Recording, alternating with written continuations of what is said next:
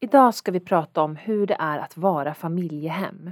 Vad ska man tänka på om man vill bli familjehem och hur fungerar det? Idag har vi med oss Johan som kommer från ett av skyddsvärnets familjehem.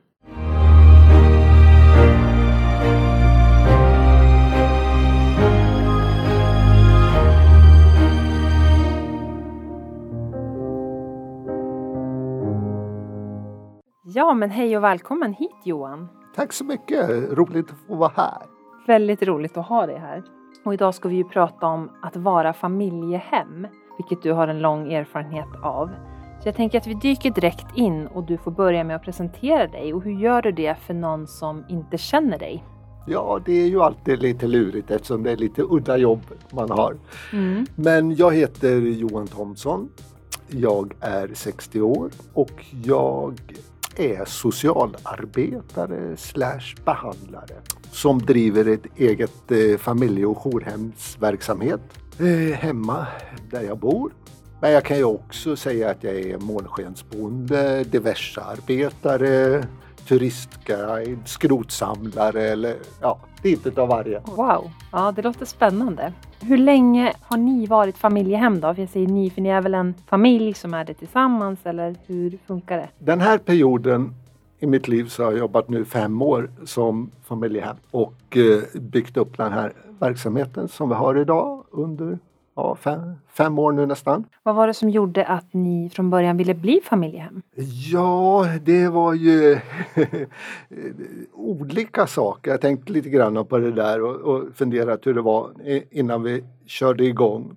En stor sak är ju att få jobba hemma. Det var också praktiska omständigheter där som gjorde att eh, i mitt liv som gjorde att eh, jag behövde förändra min arbetssituation. Då skulle det passa mig bra för mig att få jobba hemma.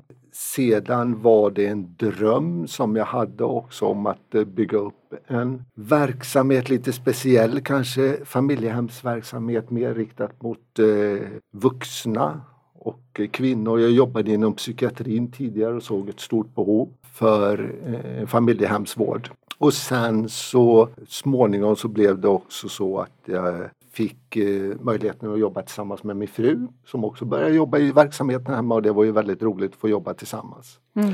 Men sen är det ju, jag hade varit familjehem tidigare och eh, jag tycker att det är ett väldigt givande arbete och meningsfullt i att få hjälpa människor en liten period till ett bättre liv mm. förhoppningsvis. Skyddsvärnet har ju en mångfald av familjehem i olika konstellationer. Vissa är stora familjer, vissa är ensamstående, vissa bor ute på landet och andra i stan till exempel. I vissa familjer bor klienten också i en byggnad i nära anslutning till familjens bostad. Kan du beskriva hur er situation ser ut där ni bedriver familjehemsverksamheten? Ja, visst. Vi har en liten charmig bondgård på landet i Sörmland och där har vi byggt tre stycken lägenheter på våran gårdsplan som vi tycker är väldigt mysiga. Och eh, de är lite olika stora men de är ju fullt utrustade och eh, där har vi våran familje och jourhemsverksamhet. Vi har då ett litet större hus på gården och eh, när vi drog igång det här så var vi sex stycken som bodde hemma i våran familj, jag och min fru och vi har två barn var eh, som bodde hemma periodvis, ja, lite varannan veckas mm. barnliv och sedan har det förändrats lite under tidens gång och idag bor jag själv med min tonårsson mm. på gården. Mm. Och eh, jobbar mestadels själv. När man har lägenheter och hus här på gården, är det det som kallas bredvidboende då? Ja. Ja. Funkar det bra? Jag tycker att det är väldigt roligt. Jag har ju varit familjehem tidigare och haft barn och ungdomar, eller ungdomar kanske har varit mest, eh, som bott i min familj i samma hus mm. som familjen. Och det är ju kanske den vanligaste typen av familjehemsvård. Mm. Och det har varit roligt och givande på olika sätt men nu kändes det väldigt kul att få pröva någonting nytt. Jag var sugen att jobba med vuxna. För, och det passar ju väldigt bra i ett bredvidboende. Mm. För lite äldre, det är svårt med yngre Mm. med tonåringar kanske. Så vi tar väl emot från 17 år Mm. och uppåt. När man har eh, en vuxen då i ett bredvidboende, hur mycket kontakt har man dagligen med den personen då? Det ser ju väldigt olika ut. Ja, det är så. Det är ju så med, ehm, ja varje människa är ju unik och varje Mm. uppdrag är unikt. Och eh, man har kontakt varje dag förstås. Mm. Men hur mycket under dagen ser väldigt olika ut. Jag har haft placeringar där jag umgåtts med de boende 10 timmar per dag. 12 timmar per dag. Det finns också boende som har umgåtts med en timme om dagen. Mm. Så att det kan variera väldigt mycket och se väldigt olika ut hur kontakten. Och en del äter med oss, andra äter inte med oss. Man har aktiviteter ihop ibland och ibland inte. Ibland umgås man mest inne i vårat hus och ibland mest inne i deras hus. Och eh, ja, det är, alla människor är olika helt enkelt. Det gäller att hitta det som passar varje Mm. individ. Vad innebär det att vara familjehem? Det finns ju liksom en, en standardbeskrivning av att, vad det betyder. Men, men om du får förklara med dina egna ord. Vad tycker du att det innebär? Utifrån mitt perspektiv så innebär det ju att liksom det, det är ett, ett arbete med stort ansvar eh, för en annan människa eller en familj som man har placerat. Det blir ju väldigt många spännande möten, spännande samtal. Man får jobba mycket med struktur. Och, eh, men det känns ju ett arbete som är väldigt meningsfullt. Det känner man ju varje dag i Mm. sitt jobb, tycker jag. Det är mycket jobb, det är långa dagar. Det är jobb varje dag i veckan. Och- Men sen om man ser det i förhållande till de som bor hos oss eh, så handlar ju jobbet mycket om att ge trygghet, lugn och ro en period i deras liv. Ge stöd och kanske redskap och verktyg för att få en fungerande vardag. En miljö, jag pratade med en av våra boende idag just på morgonen om det här med miljön, hur stor inverkan miljön har påverkan miljön har på en människa. Och hon tyckte att det är alldeles för underskattat i socialtjänsten hur viktigt en miljö kan vara. Nu bor vi i en väldigt vacker och härlig miljö och det, det påverkar Mm. mycket. Mm. Det, men vi har ju haft placeringar som, med människor som kommer från andra kulturer och andra länder och tycker att det är en jätteläskig miljö som vi bor i Mm. och har inte vågat gå utanför dörren på flera veckor. Men så småningom så tycker även de att det är rätt så rofyllt och härligt Mm. att få komma i en sån miljö. Kan du berätta lite om vanliga bakgrunder som de placerade brukar kunna ha? Vi har ju vänt oss tidigare ska jag säga de första åren fram till för ett år sedan bara gentemot kvinnor. Lite utav personliga skäl för vi hade tre tonårsflickor själva tonåringar i huset och det kändes lättare att jobba med Mm. kvinnor då.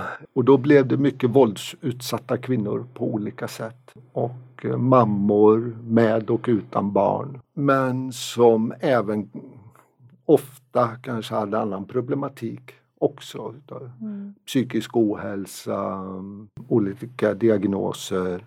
Och så nu senaste året har vi också vänt oss mot män och haft några sådana placeringar. Och, eh, men jag jobbar med alla typer utav problem egentligen. Jag har jobbat så länge, hela mitt liv med människor och i vårdbranschen och känner mig rätt så bekväm att jobba med alla typer utav problem. Det handlar mer om personkemi, att eh, känna att det är någon person som man känner att man kan samarbeta med Mm. som känns bra. Därför är det, vi jobbar alltid med ett personligt besök inför placering. Att båda parter känner att men det här känns bra. Mm.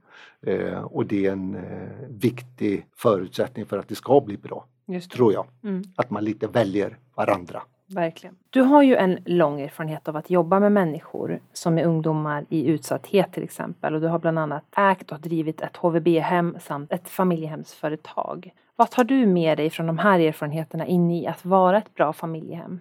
Väldigt mycket ska jag säga. Ja, och jag har ju jobbat länge som sagt var och eh, när man bygger upp väldigt mycket erfarenheter. När man har jobbat länge i kanske vilken bransch det än må vara så by- bygger man upp en yrkeserfarenhet och en yrkeskunskap. Och det gör man även när man jobbar med människor och det är väl det jag har gjort under mitt liv som har jobbat med människor hela mitt liv och det, är ju, det tar ju jag med mig in i det här jobbet också. Jag tror att det också kan skapa en trygghet för dem som kommer till mig som känner att jag har den erfarenheten jag har och brukar säga till dem att det finns ingenting som är konstigt för mig. Jag har varit med om allt. De kan prata om allt de känner och tänker. Det är ingenting som jag tycker är konstigt på något sätt. Men det ger väl framförallt en trygghet i jobbet och i, i verksamheten att man inte blir så orolig och ängslig. Man vet att det kommer att hända saker under mm. resans gång, under en placering, så är det alltid. Det är människor som har haft det svårt, jobbigt, mår dåligt. Det är klart att det går upp och ner mm. och det händer saker under tiden och det får man lösa när de sakerna uppstår och det är väl kanske det som jag tar med mig att det, jag känner mig rätt lugn och trygg i mitt jobb. Jag är sällan orolig. Mm. Sen kan det hända en dramatisk sak och visst kan det vara lite svårt att veta kanske exakt på en gång hur man ska hantera men det brukar lösa sig. Och när vi ändå är inne på det spåret, då, vad är viktiga egenskaper och relevant kunskap att ha om man vill bli familjehem? Först och främst är det väl att man har ett intresse för att jobba med människor mm. och att mm, det känns som en rolig tanke att göra det. Jag tror att allt jobb med människor utgår ifrån att man trivs med det man gör och tycker att det är roligt. Det är klart att det är bra med utbildning och erfarenhet. Mm. Någon typ av utbildning och erfarenhet. Eh, tålamod behöver man ju.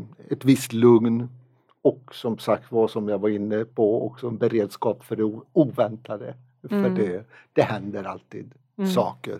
Någonting som jag pratar mycket om och som jag pratar mycket med skyddsvärnet om också det är ett professionellt bemötande. Det krävs ett professionellt bemötande, att det är inte bara att vara och att det är inte som vilken familjemedlem som helst utan man måste också förhålla sig på ett professionellt sätt och det är någonting man får fundera och diskutera och, och, och eh, ta reda på lite runt vad, vad det, innebär. Vad, vad det innebär. Mm. Mm. Men, det, men det är viktigt tycker jag. Jag och min fru som då har jobbat ihop i flera år, vi hade ju fördelen att kunna diskutera väldigt mycket med varandra under dagens lopp. Mm. Hur vi bemöter de boende på ett professionellt sätt. Vi pratade väldigt mycket varje dag om detta men ska vi gå in och prata med henne nu eller inte? Är det rätt läge eller inte? Eller hur ska vi göra? Ska du göra det? Ska jag göra det? Mm. Ska vi göra tillsammans eller vad är bra? Och så rullar det på liksom hela tiden och även nu när jag jobbar själv så tänker jag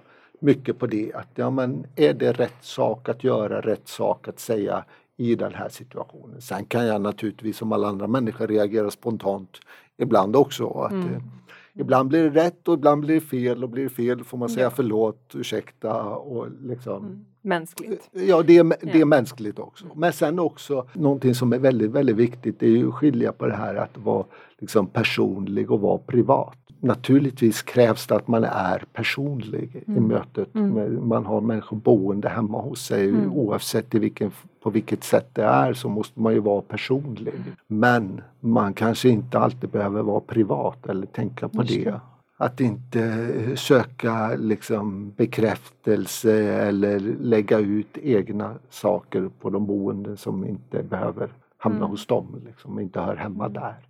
Något som är återkommande när jag ofta pratar med personer som jobbar med att ge stöd till andra människor är ofta att man är väldigt snabb med att ge råd och ge tips mm. eh, istället för att lyssna och bara mm. visa att man verkligen hör den personen. Är det mm. någonting du känner igen eller tycker annorlunda om? Ja, det ligger mycket i det förstås. Att man mm. måste kunna lyssna, ställa lite öppna frågor. Men ibland kan det också krävas att man ger råd. Mm. Det kan nog vara så att man gärna vill ha råd man vill ha de enkla lösningarna. Mm. Så är vi allihop. Vi har förkärlek för enkla lösningar här i livet. Men det är ju inte alltid så enkelt. Man kanske får vara lite försiktig med att ge de där råden också, att det inte finns enkla lösningar. Men ibland kan man också behöva ge råd och det är väl det här som återigen man kommer tillbaks till erfarenhet, att man lär sig under årens lopp lite grann och göra de här avvägningarna. Och ibland så ger jag inte bara råd utan ibland kan jag också tala om att nej, nu måste du göra så här. Mm det är ju också ett, ett sätt att bry sig om och, och, se den människans behov och den människans kanske svårigheter och kunna hjälpa och stötta den människan. Och man mm. känner att nej, här behöver den här människan stöd och hjälp mm. och, och, väldigt konkret, mm. på ett väldigt konkret sätt. Det är individuellt helt enkelt? Ja, ja. mycket individuellt mm. hela tiden. När det gäller placerade som har en beroende och kriminalitetsproblematik, vad är viktigt att tänka på då extra mycket? Missbruk och kriminalitet vill jag slå ihop där lite grann också. Mm. Jag, när jag tänkte på det lite, det, det, är egentligen samma förhållningssätt, samma sak att tänka på lite grann och det är det här att våga prata om missbruket eller kriminaliteten. De här människorna har levt i det här kanske under en lång period, har mycket en identitet i sitt problem så att säga en identitet i sitt missbruk och sin kriminalitet. Och de har ofta ett stort behov av att prata och bearbeta och det måste finnas utrymme. Ges utrymme till det och man måste våga det. Prata om de här sakerna också. Och eh, det är ju också en förutsättning för att kanske också kunna bryta gamla mönster. Sedan först måste man bearbeta det här ett tag. Och sen finnas kvar, för det går upp och ner. Mm. Det är inte en spikrak väg. Så då måste man finnas kvar till sist, vilket kanske är det viktigaste, se och tro på individen. Tro att det här kan gå vägen, det här kan bli bra. Mm. Man kan ändra sig, det kan bli, man kan få ett bra liv. Tro på det. När det handlar om ungdomar då, som mm. behöver till exempel stöd eller mm. skydd. Mm. Finns det något speciellt då man ska tänka på? Det första jag tänker på det är att våga tro på dessa ungdomar. Tro att de vill ha ett bra liv och kan få ett bra liv och få dem att tro att det kan bli bra.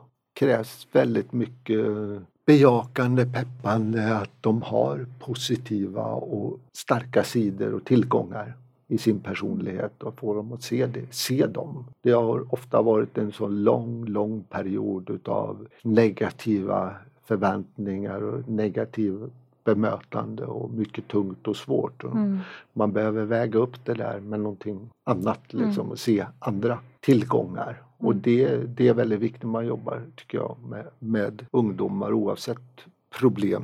Och sen är det ju det här med som vi alltid jobbar med, med alla placeringar, om att skapa en vardagsstruktur, vilket vi alla människor behöver och eh, som vi mår gott i. Och när man mår dåligt och har det svårt är det svårt att upprätthålla en en vardagsstruktur och där kan vi hjälpa till och skapa den. En plattform liksom att jobba ut efter. Mm. När man jobbar med till exempel unga som har haft det väldigt tufft och mm. man märker att de mår väldigt dåligt. Påverkar det aldrig dig personligen? Eller det kan jag tänka mig att det gör, men hur tacklar du det? Att få se mycket eller få höra mycket jobbiga saker och sådär. Förstår du? Ni bor ändå med de här människorna och får leva med det här hela tiden. Mm. Hur bearbetar man det och liksom inte själv går ner sig? Ja, det är en jättebra fråga. Och det har jag väl mött under hela mitt yrkesliv när jag jobbat med, med, utsatta människor och mycket ungdomar. Man måste nog vara lite grann en viss personlighet själv mm. som kan släppa saker och ting mm. och inte älta för mycket och att det går för djupt in utan att man kan släppa. Man måste kunna känna ett engagemang och medkänsla men man måste också kunna släppa. Och det har man ju sett när man jobbat i, på institution, haft anställning att vissa människor kan inte släppa när de går hem. Nej. Och de orkar inte heller jobba kvar mm. någon längre period för då blir man utsliten. Man måste kunna släppa. I en familjehemsverksamhet är det ju lite speciellt då för då går man ju aldrig hem och kan släppa utan då måste man kunna släppa lite i stunden. Det är klart att jag blir berörd och jag hör väldigt många fruktansvärda historier hela tiden. Vi brukar, jag och min fru, vi jobbade ihop, pratade och sa ofta att ja, men vi behöver inte läsa tidningen för allt det hemska som står där, det får vi höra hemma vid vårt köksbord varje vecka. Och det berör ju och det är tungt och det, det är svårt men man måste ju även där bemöta det på professionellt sätt. Att det, det, går inte att jag sitter och gråter när någon berättar någonting svårt och jobbigt. Men det är klart man blir berörd och det syns att jag blir berörd och det är helt okej okay att det är så. Men jag måste också förhålla mig professionellt och kunna ställa frågor utifrån det, eh, öppna frågor och eh, våga prata om det och vrida och vända på det lite utifrån den personens, individens behov och situation. Hur den ser ut där och då. Men det är viktigt det är en viktig egenskap där att kunna släppa också saker. Mm. Särskilt i en familjehemsvård att man, man kan göra det lite under dagens lopp och när man går och lägger sig på kvällen. Men sen är det så för alla ibland att vissa gånger klarar man inte det utan det berör så mycket och det är så tungt och svårt så att det är jobbigt mm. en stund att handskas med. Men eh, för, det mesta, för det mesta går det bra. Mm. Finns det något extra speciellt minne från din tid som familjehem som du har med dig och kan dela med dig av här? Det första man tänker på är ju att det händer ju så mycket hela ja, tiden. Jag förstår att det är svårt att välja ut ja, en sak. och det är små, ja. små och stora saker hela tiden. Mm. En frukost hade jag igår med, med jättehärliga diskussioner med en ung tjej. Uh, och det um, stod ute på tomten vid ett staket när jag höll på i trädgården en timme och pratade med en annan boende. En mamma hade ett fantastiskt samtal. Men det har varit barn som fötts hemma hos oss medan de bor där. Inte, de har fötts på BB men kommit hem ah, samma dag okay. med ett nyfött barn.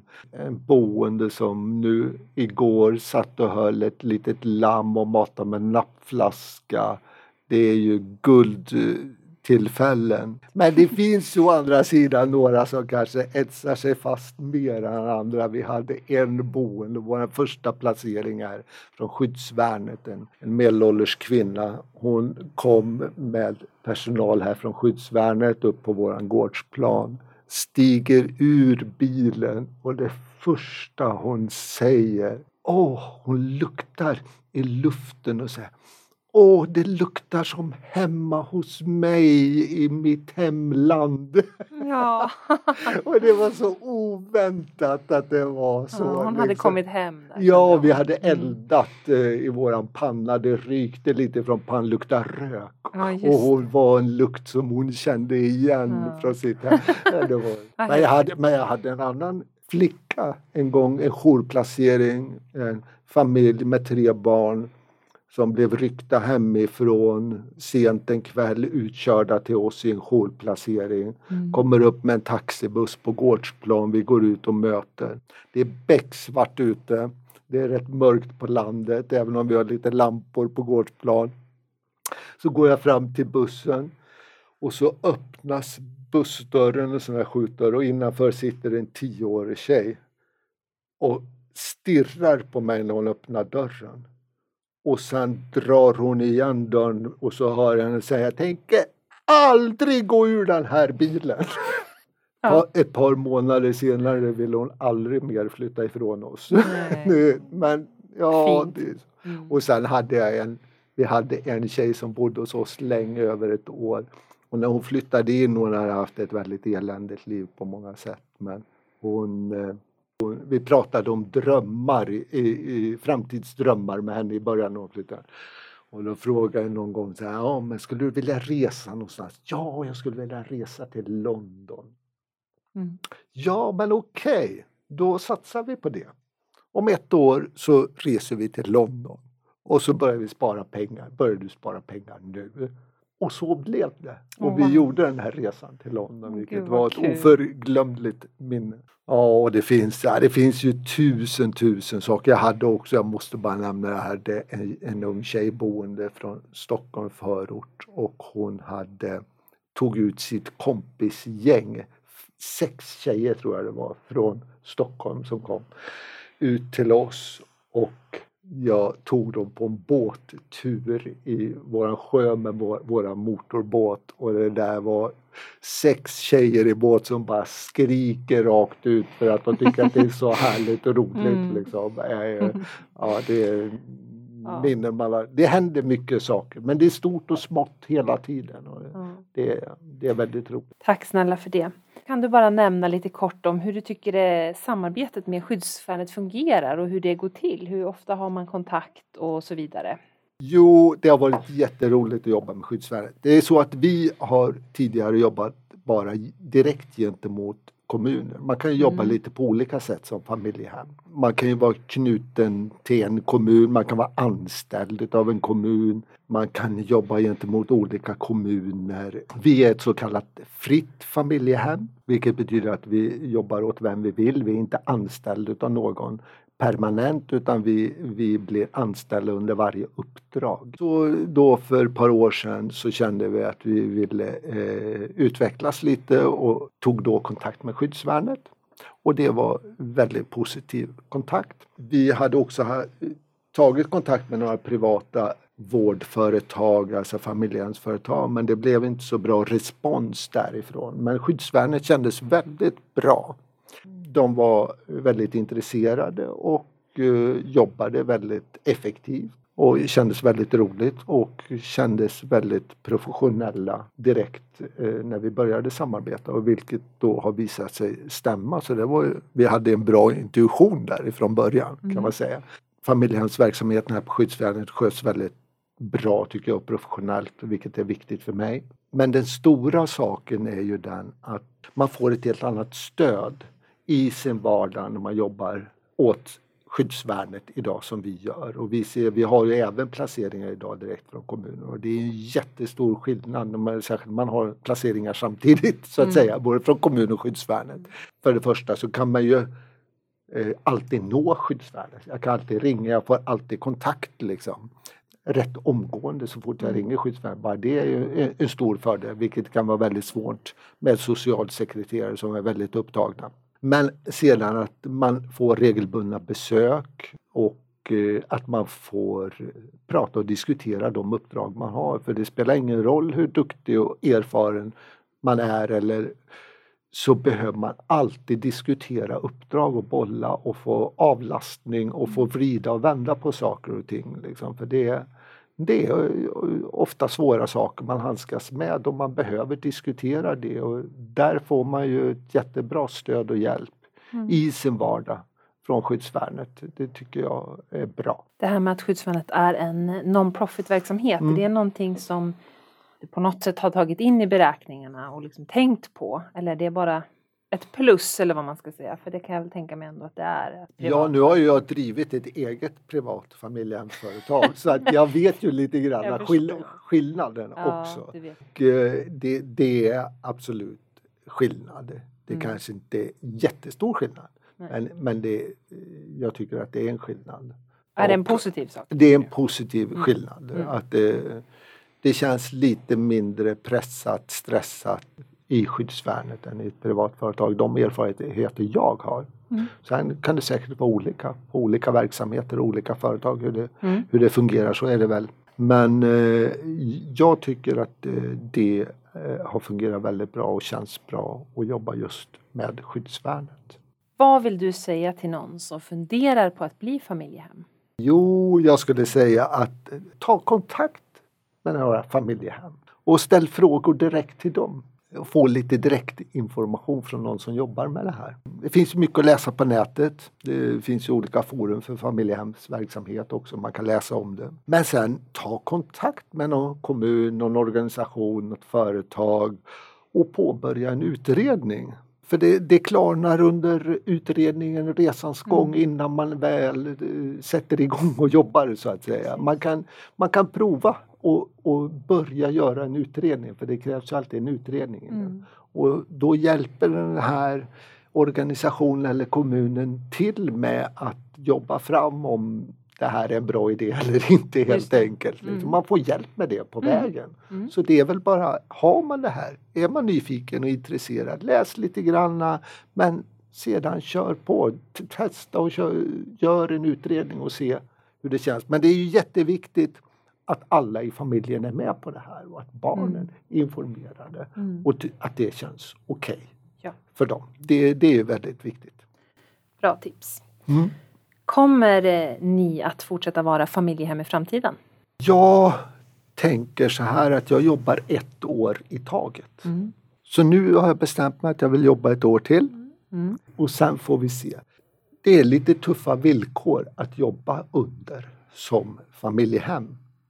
Eh, det är rätt otrygga anställningsvillkor om man inte är direkt anställd av en kommun, fast anställd.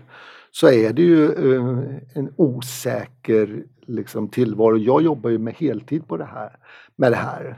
Om man gör det vid sidan av sin vanliga anställning, sitt vanliga jobb, då är det ju en sak. Mm. Men jag som satsar på det här på heltid har ju, lever ju lite under otrygga omständigheter eftersom jag bara har betalt när jag har uppdrag. Och mm. jag vet aldrig när jag får några nya uppdrag. Det finns inga garantier och det är, det är lite tuffa villkor. Mm. Uh, och där finns det väl kanske någonting som jag tycker samhället skulle jobba med framöver. För familjehemsvård är någonting väldigt bra och som mm. går att utveckla också mycket tror jag. Men man skulle jobba, göra någonting så att människor känner en trygghet i sin anställning att jobba som familjehem och med familjehemsvård. Mm. Men jag bestämmer ett år i taget. Ja, så att, så ser det ut för mig. Det låter bra.